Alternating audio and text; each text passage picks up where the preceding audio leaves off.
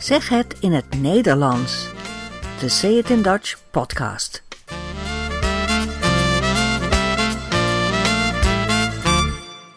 Nummer 37.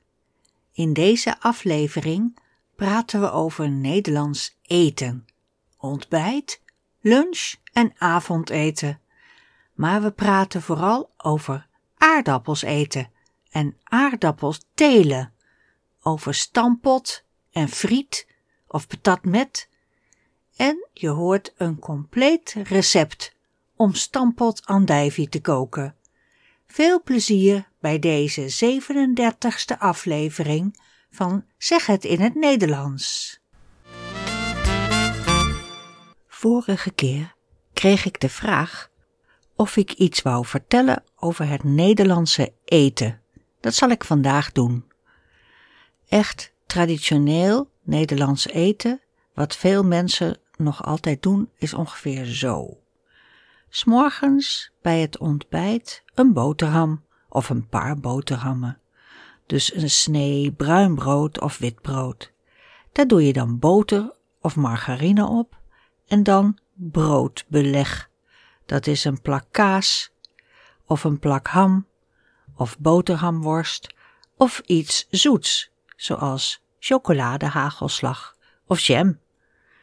Veel mensen nemen liever een beschuitje. Beschuit is rond, droog en knapperig, heel populair. Er was een tijd lang een reclame. Alleen voor beschuit kom ik eruit. Alleen voor een lekker beschuitje kom ik uit mijn bed. Volgens Bolletje, de meest bekende beschuitfabrikant, hebben negen van de tien Nederlandse gezinnen een beschuitbus op tafel staan bij het ontbijt. Dat geeft wel een idee. Sommige mensen nemen een plakje ontbijtkoek. Dat is goed voor de stoelgang. En dat woord stoelgang, dat moet je zelf maar even googlen. Sommige mensen eten liever een bakje yoghurt met muesli of havermout, maar brood is echt heel gewoon. De mensen drinken daarbij een kopje thee of koffie of een beker melk of vruchtensap. In een hotel kun je natuurlijk veel meer kiezen dan dat, maar thuis is het echt heel eenvoudig. De lunch thuis of op het werk lijkt precies op het ontbijt. Ook brood met kaas of ham. Misschien iets warms erbij, zoals uh, soep of een kroket, maar echt bijzonder is het niet. Ik zal een andere keer iets vertellen over de lunch in een café of een restaurant. Dat is interessanter. Tegenwoordig hebben de mensen s'avonds de warme maaltijd, maar vroeger, tot in de jaren 50 en 60, gingen veel mensen tussen de middag naar huis om warm te eten. Tussen de middag betekent de tijd van de lunch, tussen 12 en 2 uur s middags ongeveer. In de pauze van je werk of school. De warme maaltijd bij mensen thuis is nu s'avonds. Dat wil zeggen, meestal om 6 uur s middags. Tegenwoordig koken we echt van alles, van Mexicaans tot Marokkaans of Surinaams of vegetarische gerechten, bijzondere gerechten met weinig koolhydraten, noem maar op. De belangrijkste buitenlandse invloeden zijn Indisch eten en Italiaanse pizza en spaghetti en andere pasta. Indisch, dat is eigenlijk Indonesisch eten met een Hollandse draai eraan. Dat komt natuurlijk uit de koloniale tijd, de tijd van Nederlands-Indië. In podcast nummer 24 heb ik daar iets over verteld. En pizza en pasta hebben de Italianen hier naartoe gebracht in de jaren 60, toen er veel mensen uit het buitenland in Nederland kwamen werken. Ik geloof dat de pizza's in Nederland veel groter zijn dan in Italië. Maar de echte Nederlandse traditionele warme maaltijd is gekookte aardappelen met vleesjus, gekookte groenten en een stukje vlees en één keer in de week misschien een visje. Die aardappelen, of aardappels, dat kan ook, daar moeten we eens verder over praten. Die zijn echt heel belangrijk in ons land. Niet alleen door het beroemde schilderij van Vincent van Gogh, de aardappeleters. Dat schilderij ken je wel, hè? Hij schilderde het in 1885 in Nuenen in Noord-Brabant, waar hij toen woonde. Hij maakte verschillende versies om te oefenen. Een tafel in het donker met een boerenfamilie. Nogal lelijke mensen die aardappels zitten te eten. Arme mensen in een soort bruine aardappelkleur. Het is bijna het donkerste schilderij van Vincent. En het was de eerste keer dat hij mensen durfde te schilderen in plaats van landschappen. Het schilderij is niet zo groot, iets meer dan 1 meter breed en 80 centimeter hoog, en het is te zien in het Van Gogh Museum in Amsterdam. En er hangt een andere versie in het Kruller-Muller Museum bij Arnhem. In de 21ste eeuw eet de Nederlander nog altijd veel aardappels. Elke Nederlander eet wel meer dan 80 kilo aardappels per jaar. 80. Niet alleen gekookt, zoals op het schilderij. Nederland eet ook graag stampot. Al mag je dat van de moderne chefs niet meer zeggen. Nee, nee, zeggen ze, Nederland is niet meer het land van de stampot. Dat was vroeger zo. Oké, maar we eten ook vandaag nog regelmatig stampot, omdat het zo makkelijk is. Het is typisch voor in de winter. Dat zijn aardappels en groenten door elkaar gemixt, fijn gestampt en dan wat spekjes erdoor of zo.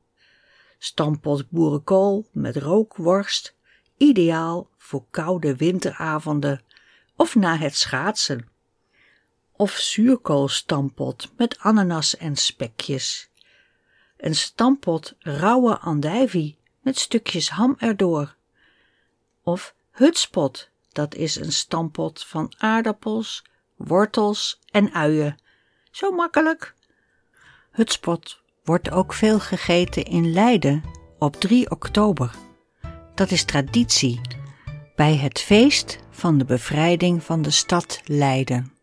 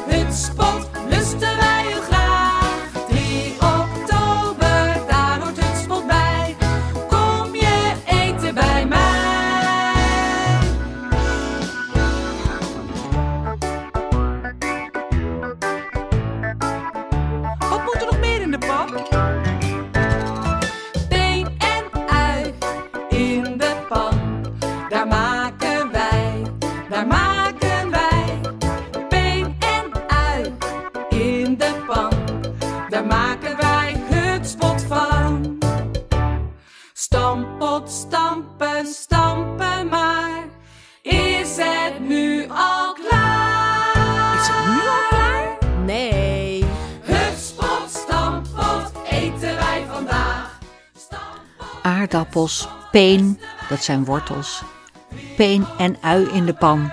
Daar maken wij hutspot van. Stampot, hutspot, maar het meest eten we aardappels in de vorm van friet, patatfriet. Friet met mayonaise. Die koop je bij de snackbar, in een puntzak of een bakje, of je maakt ze zelf thuis in de frituur of in de airfryer. Vlaamse frieten zijn wat breder en Franse frieten zijn wat smaller. En Nederlandse friet zit daar zo'n beetje tussenin. Patat met, dat is patat met mayonaise. Patatje oorlog, dat is patat met mayonaise, pindasaus en gesnipperde uitjes en soms ook nog curry erbij. Patatje oorlog. Waarom dat zo heet, daar zijn de meningen over verdeeld. Oorlog? Misschien ziet het eruit als een slagveld. Of is het omdat de verschillende smaken allemaal met elkaar vechten? Niemand weet het precies. Bestel er maar eens eentje in de snackbar. Eén patatje oorlog, alstublieft. Dan proef je wat het is. De ene helft van Nederland zegt trouwens patatje, patatje mayo, patatje oorlog. De andere helft zegt liever friet, een frietje. In Vlaanderen en het zuiden van Nederland zeggen de mensen vooral friet en in het noorden vooral patat.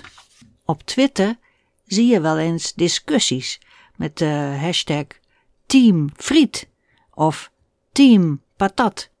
Dat is natuurlijk als grapje bedoeld. Van mij mag je het allemaal zeggen. Dus we zijn grote aardappeleters. Maar we zijn ook grote aardappeltelers. Nederlandse boeren telen heel veel aardappels op het land. Nederlandse grond is namelijk heel vruchtbaar. Ik geloof dat zelfs de helft van de Nederlandse grond prima geschikt is voor agrarisch gebruik. Dus voor de landbouw, voor het verbouwen van groenten en ook voor de sierteelt zoals bloemen. Nederland heeft 80.000 hectare grond voor aardappelteelt. En 1 hectare is 100 meter bij 100 meter.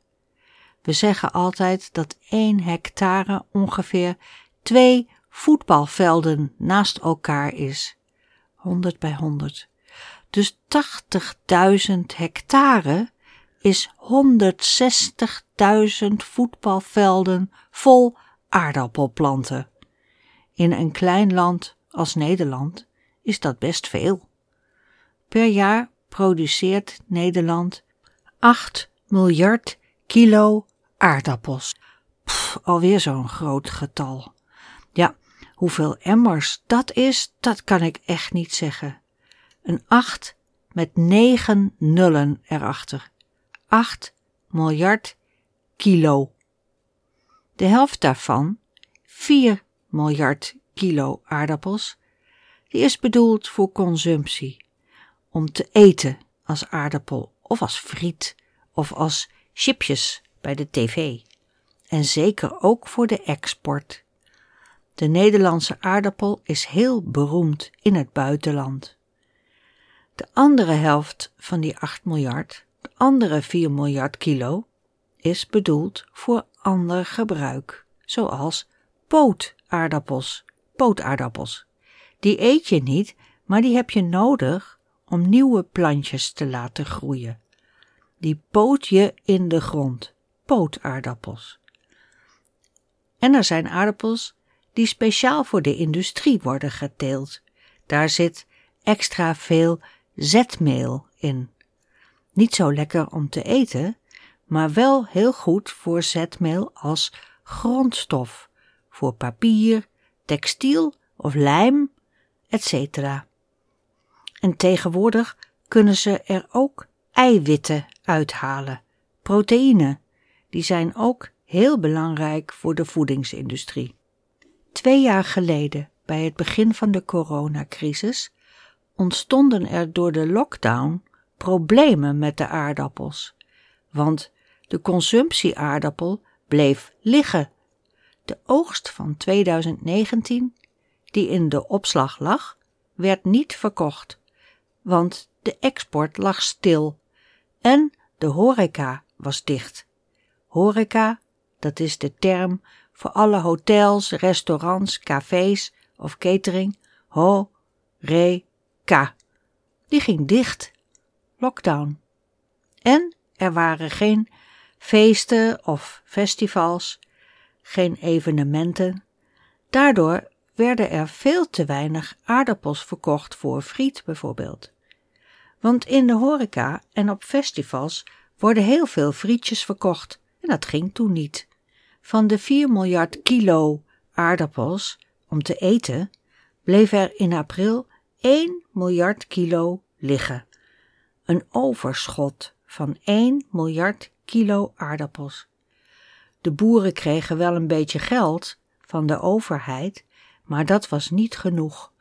En het was ook zonde om al die goede aardappels zomaar weg te gooien. Daarom werden veel aardappels als veevoer gebruikt. Voer voor het vee, eten voor de koeien of varkens. Die lusten ook wel aardappels. Maar er kwam ook een speciale actie met de naam Benefriet. Misschien kennen jullie het woord benefiet? Dat gebruik je bijvoorbeeld uh, bij een concert of een voorstelling.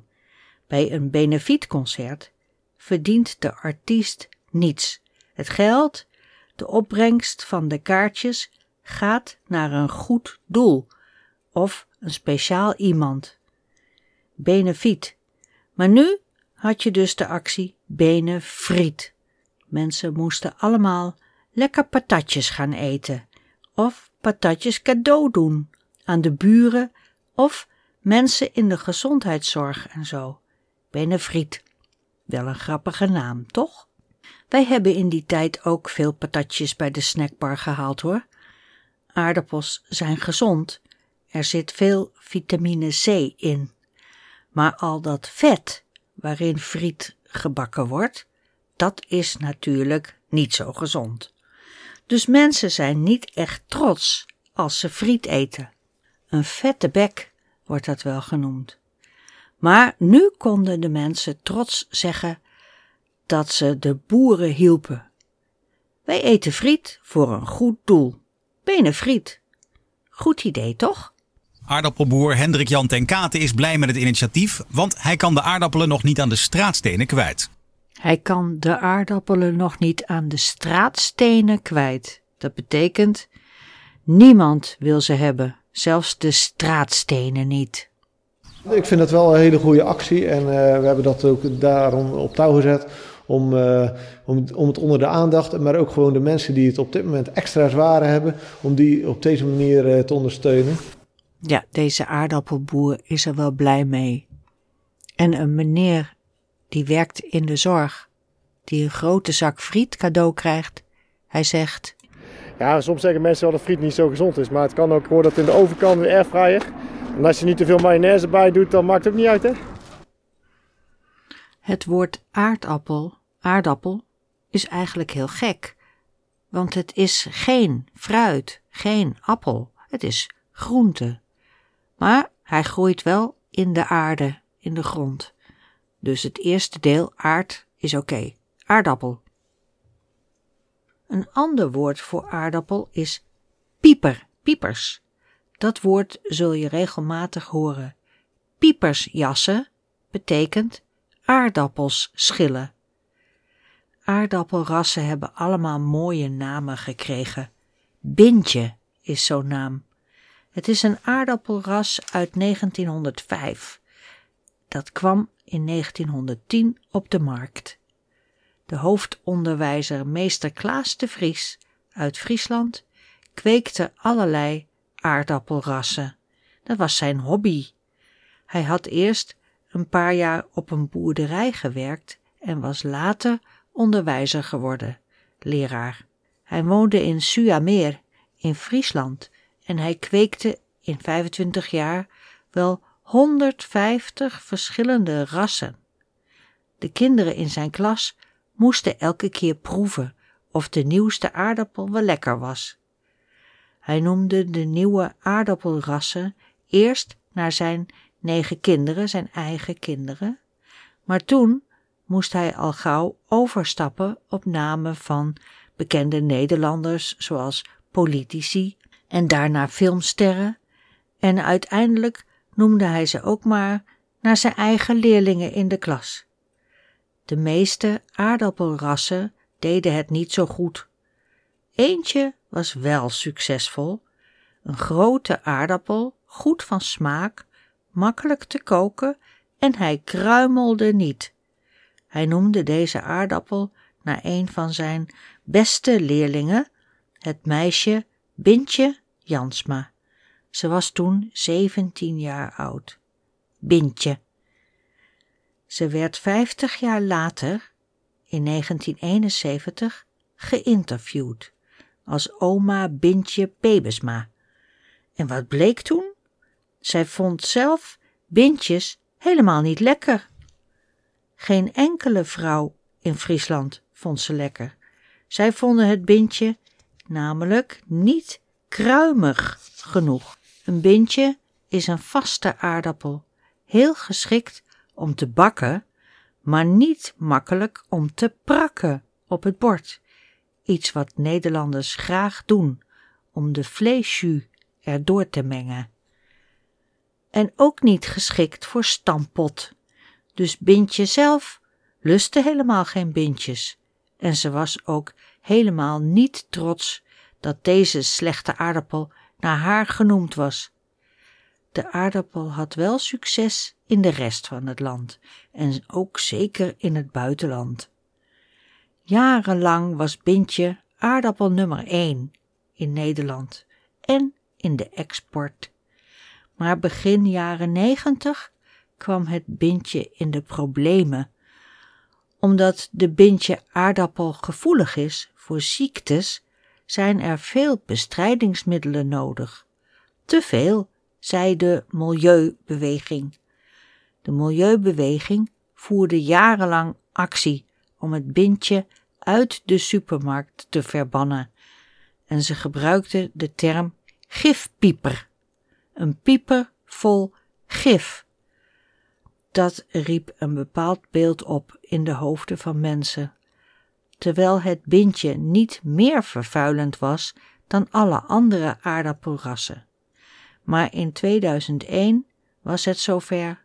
De supermarkt Albert Heijn stopte als eerste met de verkoop en daarna volgden de andere supermarkten. Geen bintjes meer in de supermarkt.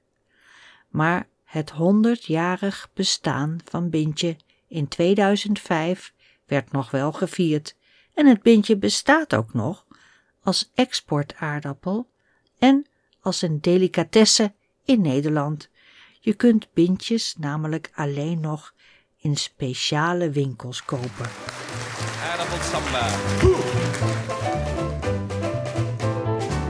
We gaan straks eten, aardappels eten. Een lekker aardappeltje wil er altijd wel in. We gaan straks eten, aardappels eten. Zonder aardappeltje heb ik het niet naar mijn zin. Gekookte aardappels, gebakken aardappels en aardappelsla. Soep met aardappels, vlees met aardappels, aardappelkoek na. Koude aardappels, warme aardappels, aardappelpuree. Kruimige aardappels, glazige aardappels, aardappelsoufflé. Wir gehen bald essen, Duits, Kartoffeln essen. Denn ein Kartoffelchen kommt mir nicht mehr aus dem Sinn. Wir gehen bald essen, Duits, Kartoffeln essen. Ohne Kartoffel weiß ich, dass ich so traurig bin. Frotz, von der terre sauté, von der terre purée, von der terre duchesse, von der terre au lard, der terre vin. Recept voor traditionele stampot rauwe andijvie met spekjes. Ingrediënten: 1 kilo kruimige aardappelen, 500 gram verse andijvie, gewassen en gesneden, 200 gram spekreepjes, een scheutje warme melk, een klontje boter. Wat moet je doen? Schil de aardappelen, was ze en snij ze in gelijke stukken. Doe ze in een pan met een beetje water en wat zout en breng ze aan de kook. Bak ondertussen de spekjes in een koekenpan met een klein beetje boter. Als ze krokant zijn geworden, zijn ze klaar. Laat de spekjes uitlekken in een zeef, maar bewaar het spekvet ook. Giet de aardappels af als ze net gaar zijn. Laat ze daarna op een laag vuur even droog stomen. Brak de aardappels met een klontje koude boter tot een mooie structuur, puree. Voeg het spekvet toe en roer er meteen een deel van de spekjes doorheen. En voeg dan beetje voor beetje de gesneden andijvie toe en schep deze door de aardappelpuree. Als het te droog wordt, giet je er een klein beetje melk bij. Breng de stampot tenslotte op smaak met zout en peper. Schep de stampot op een bord en gebruik de rest van de spekjes als garnering bovenop. Eet smakelijk! En. Soep met aardappels, vlees met aardappels, aardappelkoek na. Aardappelkoek aardappelkoek na. Aardappels uit.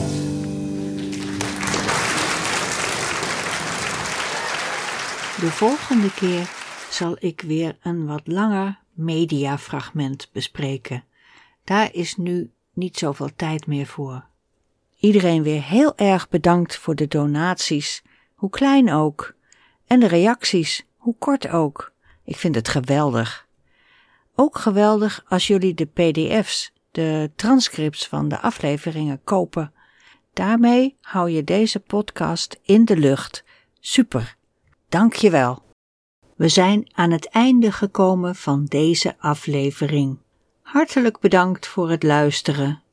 Lees meer, doneer, reageer en abonneer je op www.dutchidiom.com of www.zeghetinhetnederlands.nl. Tot ziens!